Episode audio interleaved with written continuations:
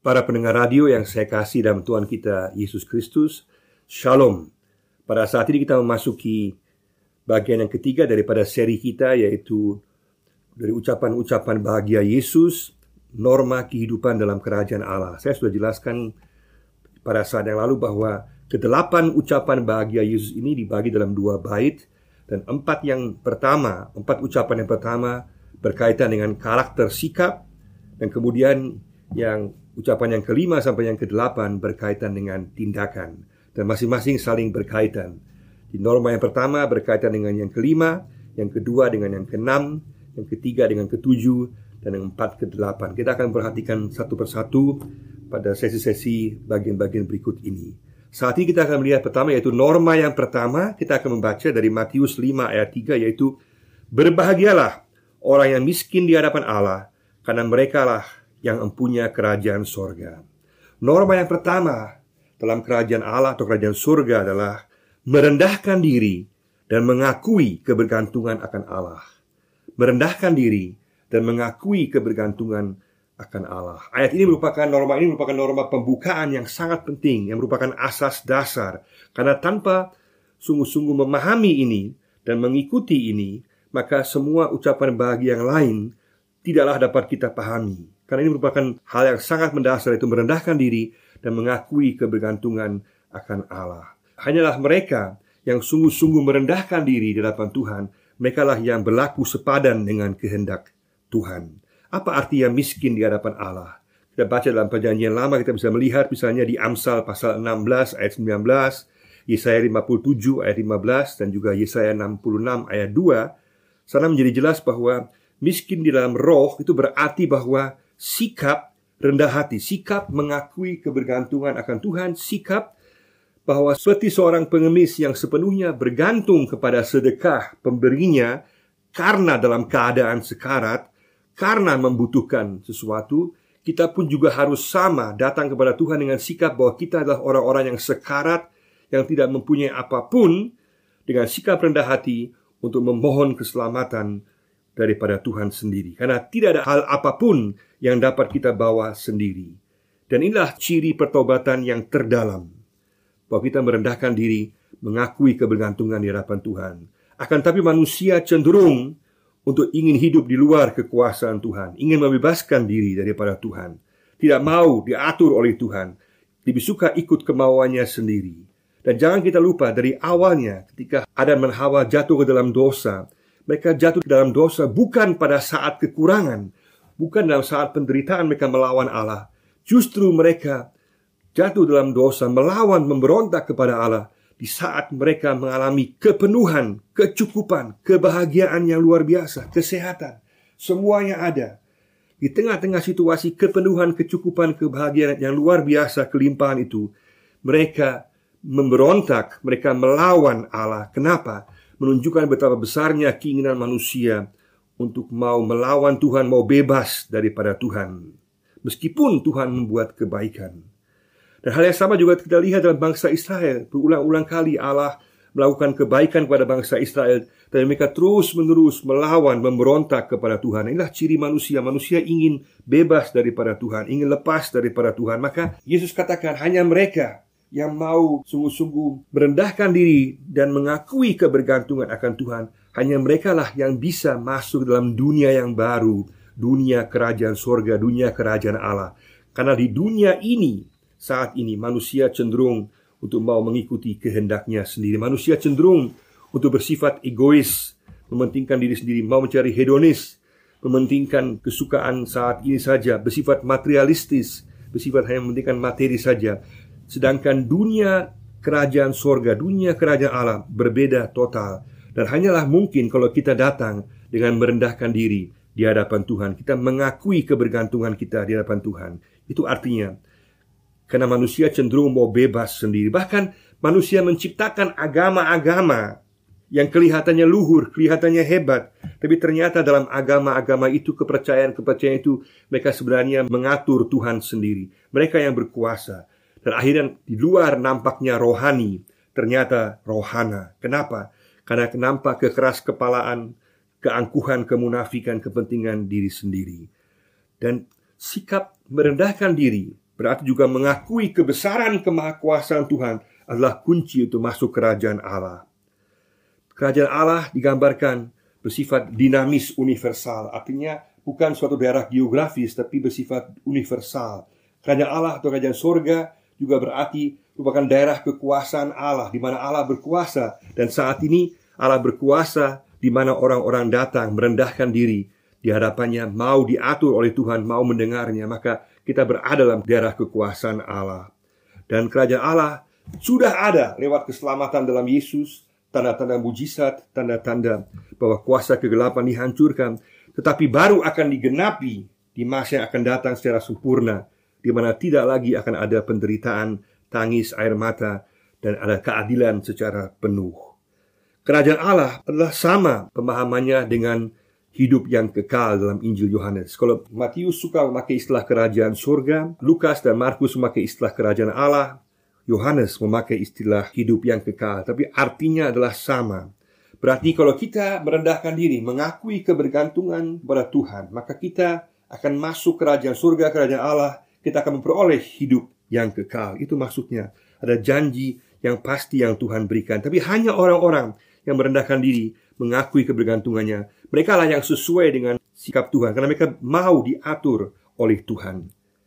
Dengan demikian, ilah pertobatan yang terdalam. Pertobatan yang berarti mengakui bahwa keselamatan hanya kita peroleh semata-mata dari tangan Tuhan saja. Inilah merupakan juga dasar pengajaran Kristiani yang paling mendasar bahwa keselamatan kita peroleh karena anugerah Tuhan semata-mata dan pengakuan bahwa kita mutlak membutuhkan keselamatan dari tangan Tuhan semata-mata itulah dasar sehingga kita boleh masuk kerajaan surga, kerajaan Allah atau juga hidup yang kekal. Selama masih ada sisa-sisa kesombongan atau anggap bahwa kita mampu sendiri dengan posisi jabatan kita, kehebatan kita, maka kita tidak akan beroleh keselamatan dan tidak akan masuk dalam kerajaan surga. Ini berlaku untuk semua orang, semua golongan, semua status, semua kita membutuhkan anugerah keselamatan Tuhan. Dan di sini juga nampak jelas bahwa Yesus menekankan sikap dasar manusia dalam hubungannya dengan Allah. Kenapa? Karena sikap dasar hubungan dengan Allah itulah yang paling utama bagi iman Kristiani.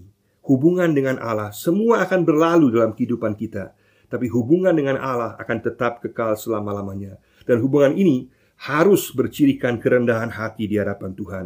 Perjumpaan pribadi kita dengan Tuhan menjadikan kita rendah hati. Kita lihat dalam perjanjian lama bagaimana Musa, Gideon, Yesaya semuanya ketika mereka berjumpa dengan Tuhan mereka merasa tidak layak untuk dipakai oleh Tuhan. Bahkan juga Petrus mengaku bahwa dia adalah orang yang berdosa. Selama kita berjumpa dengan Yesus secara pribadi, maka kita harus bersungguh-sungguh mengakui ketidaklayakan kita, kebergantungan kita akan Tuhan. Kalau kita belum mengakui keberdosaan, ketidaklayakan kita, maka kita tidak dapat masuk kerajaan sorga. Dalam sejarah dunia sangat jelas nampak kekacauan, permusuhan, ketidakadilan, peperangan, dan segala sesuatu penderitaan yang luar biasa. Dan juga semua disebabkan oleh karena dosa. Juga bahwa manusia bersifat tidak menghargai Tuhan dan juga tidak menghargai sesamanya sehingga mengakibatkan penderitaan yang berkepanjangan. Medium elektronik, majalah, semua internet, iklan-iklan penuh dengan keangkuhan menganggap orang-orang yang hebat, yang cantik, yang tampan, yang pintar, mengandalkan kemampuan sendiri. Tapi Yesus katakan bahwa barang siapa mau masuk dalam dunia yang baru, kerajaan surga, kerajaan Allah, hidup yang kekal, maka dia harus merendahkan dirinya di hadapan Tuhan. Karena dunia menekankan penampilan, tapi Yesus melihat hati kita, melihat hati kita apa yang merupakan karakter kita dan karakter dasar orang percaya yaitu orang-orang yang masuk dalam kerajaan sorga adalah mereka yang merendahkan diri di hadapan Tuhan. Ini juga berarti bahwa kita harus sungguh-sungguh jangan hanya pura-pura rohani.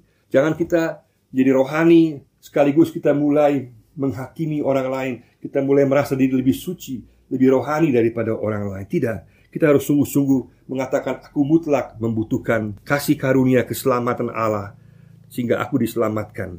Apakah kita masih berpikir tinggi tentang diri kita sendiri, menganggap diri layak, menganggap diri mampu, menganggap diri pantas diselamatkan? Maka kita perlu katakan, kita perlu berjumpa dengan kesucian kekudusan Tuhan mengatakan bahwa kita sungguh-sungguh butuh keselamatan daripada Tuhan sendiri. Bahwa kita harus merendahkan diri di hadapannya. Dan ini juga banyak orang di Asia, mereka menganggap diri mereka religius, mereka menganggap diri bahwa mereka dengan cara agama mereka, dengan berbagai perbuatan baik, ritual, semedi, korban, dan macam-macam, menganggap mereka bisa menyenangkan Tuhan, atau juga bisa menganggap mereka bisa memperoleh keselamatan, bahkan bisa menyuap Tuhan dengan berbagai tindakan perbuatan baik. Tapi Tuhan katakan, yang paling menentukan adalah sikap kerendahan hati mau diatur oleh Tuhan, mau merendahkan diri dan mengakui kebergantungan kepada Tuhan. Ini sama dengan sikap seseorang yang jatuh dalam sumur, tapi dia gengsi tidak mau ditolong oleh orang yang mau mengangkat dia dari sumur. Ada tangan yang terulur, tapi dia tidak mau dianggap bisa sendiri menyelamatkan dirinya sendiri. Banyak orang menganggap bisa menyelamatkan dirinya sendiri, tapi tidak bisa. Kita membutuhkan tangan keselamatan Yesus. Dan ini hanya bisa kalau kita merendahkan diri, kita meraih tangan Yesus, dan ditarik dan memperoleh keselamatan. Juga banyak manusia di barat, mereka juga menganggap diri tidak memerlukan Tuhan. Maka di Asia banyak orang yang menganggap atau berpendapat ateis praktis, di luarnya mereka beragama, tapi sering kali juga dalam kehidupan sehari-hari banyak sekali juga korupsi dan ketidakjelasan dalam kehidupan sehari-hari. Maka orang barat mungkin secara teori mereka menolak Allah, mereka malah sombong, mencongkak melawan Allah. Juga harus diakui bahwa banyak hal yang positif dalam dunia barat itu berasal dari iman Kristen. Dari iman Kristen yang bukan berasal daripada kepintaran manusia. Maka dengan demikian, semua schizofrenia ini, ateis praktis yang menganggap bisa menyelamatkan diri sendiri, atau ateis teoritis yang menganggap sombong tidak perlu Tuhan, padahal sebenarnya sangat membutuhkan. Semua ini harus kita tanggalkan, semua kecongkakan, semua kesombongan haruslah kita tanggalkan agar kita sungguh-sungguh meraih tangan keselamatan Tuhan Yesus dan kita diselamatkan. Dasar Kristiani telah diletakkan oleh Yesus bahwa hanya bisa dengan merendahkan diri dan mengakui kebergantungan sepenuhnya kepada Tuhan. Semua jenis keangkuhan harus ditanggalkan. Baik orang barat maupun orang timur harus menanggalkan segala jenis keangkuhan dan keyakinan akan kemampuan diri sendiri demi memperoleh tempat dalam kerajaan surga. Tan kita tidak mungkin dapat memperoleh keselamatan dengan kekuatan kita sendiri. Alkitab mengatakan dalam Roma 3:23, semua orang telah berbuat dosa dan kehilangan kemuliaan Allah. Juga 1 Yohanes 1 ayat 8 mengatakan, jika kita mengatakan kita tidak berdosa, maka kita menipu diri kita sendiri dan kebenaran tidak ada di dalam kita. Bagaimana dengan kita? Apakah kita mau datang menyadari kebutuhan kita akan keselamatan daripada Tuhan, merendahkan diri di hadapannya? Kita sungguh-sungguh mengakui bahwa kita hanya selamat semata-mata karena anugerah Tuhan kita Yesus Kristus. Mari sama-sama kita meraih tangan keselamatannya, merendahkan diri di hadapannya. Seperti seorang pengemis datang dalam ketidakpunyaan apa-apa yang dapat dibanggakan, tanpa kesombongan, tanpa membanggakan apa pun, kita sungguh-sungguh memohon kepada Tuhan keselamatan, sikap merendahkan diri, mengetahui bahwa kita diselamatkan hanya karena anugerahnya semata-mata. Ada bahaya bahwa kita menjadi rendah hati, tapi kemudian kita hanya di bibir saja. Kita mulai merasa diri pantas untuk masuk kerajaan sorga, atau juga merasa lebih rohani, lebih suci daripada orang lain. Inilah racun yang sangat berbahaya, racun yang secara perlahan-lahan menghancurkan kehidupan kita, membawa kita pada kesombongan rohani yang luar biasa. Seolah-olah kita bisa mencapai keselamatan dengan kekuatan kita sendiri. Surat Efesus mengingatkan dengan sangat jelas. Efesus 2 ayat 8. Sebab karena kasih karunia Allah, kamu diselamatkan oleh iman. Itu bukan hasil usahamu, tetapi pemberian Allah. Mari bersama-sama kita merendahkan diri di hadapan Tuhan, datang kepadanya sebagai pengemis kehadiran Tuhan, sebagai orang yang mengaku kebergantungannya kepada Tuhan. Biar sikap rendah hati, sikap bergantung akan Tuhan, menjadi ciri khas kita sebagai pengikut-pengikut Yesus. Mari tanggalkanlah segala keangkuhan kita, gengsi kita, kesombongan rohani kita, dan datang kepada Allah sebagaimana kita ada. Yesus katakan, barang siapa yang datang kepadanya, dia tidak akan menolaknya. Dan barang siapa yang merendahkan diri, dia menjadi warga kerajaan surga, warga kerajaan Allah, memperoleh kehidupan yang kekal. Tuhan memberkati kita semua. Amin.